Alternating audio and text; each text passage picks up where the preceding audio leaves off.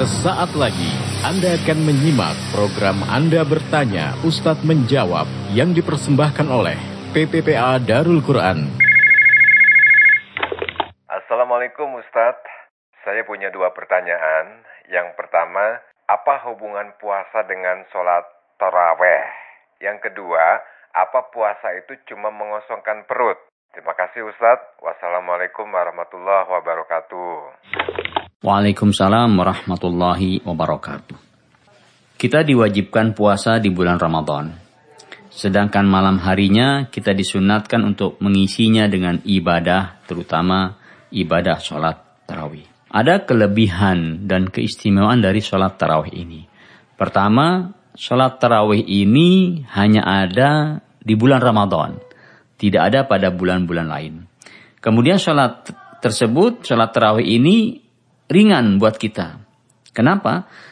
Ringannya itu dapat dilakukan langsung setelah sholat isya.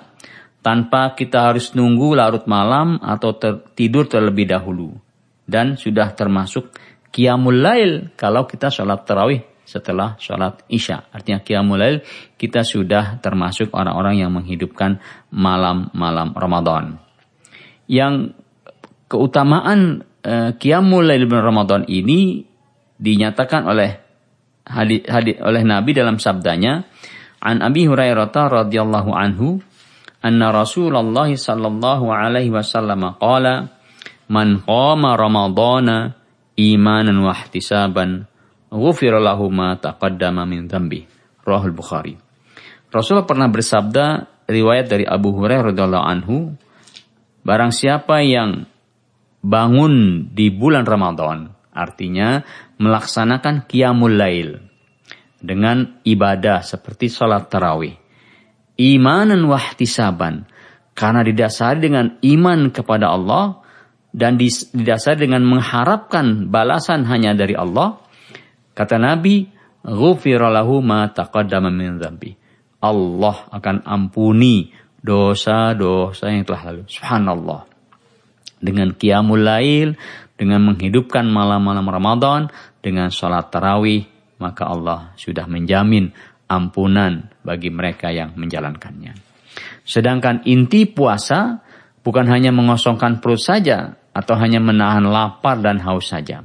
Akan tetapi selain itu kita harus menahan semua anggota badan kita dari perbuatan-perbuatan yang tercela menahan mata dari pandangan-pandangan yang diharamkan oleh Allah, bahkan menahan mata dari hal-hal yang membuat kita lalai dari mengingat Allah.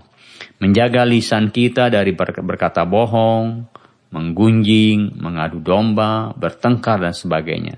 Lisan hendaknya disibukkan dengan berzikir atau membaca Al-Quran. Juga menjaga telinga dari mendengarkan pembicaraan yang diharamkan oleh Allah karena segala sesuatu yang diharamkan kita ucapkan, maka diharamkan pula untuk kita dengarkan. Menjaga tangan dan kaki dari perbuatan yang dilarang seperti menyakiti orang, bahkan dilarang menyakiti hewan. Memperhatikan makanan yang dimakan pada saat berbuka dan juga di malam hari.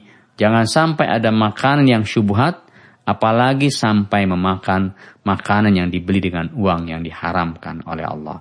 Bahkan harus membatasi pula volume makanan yang dimakan pada saat berbuka dan di malam hari. Akan percuma puasa kita kalau siang hari kita tidak makan makanan yang halal, tidak minum minuman yang halal, kemudian di malam hari kita berani makan makanan yang diharamkan oleh Allah Subhanahu wa taala. Kalau itu dilakukan, maka akan menjadi percuma puasanya. Dia hanya merasakan lapar dan haus saja, pahalanya tidak ada sama sekali. Demikian jawaban saya. Saya Haji Ahmad Kosasi dari PPP Adal Quran. Wassalamualaikum warahmatullahi wabarakatuh. Terima kasih. Baru saja Anda menyimak program Anda Bertanya Ustadz Menjawab yang dipersembahkan oleh PPPA Darul Quran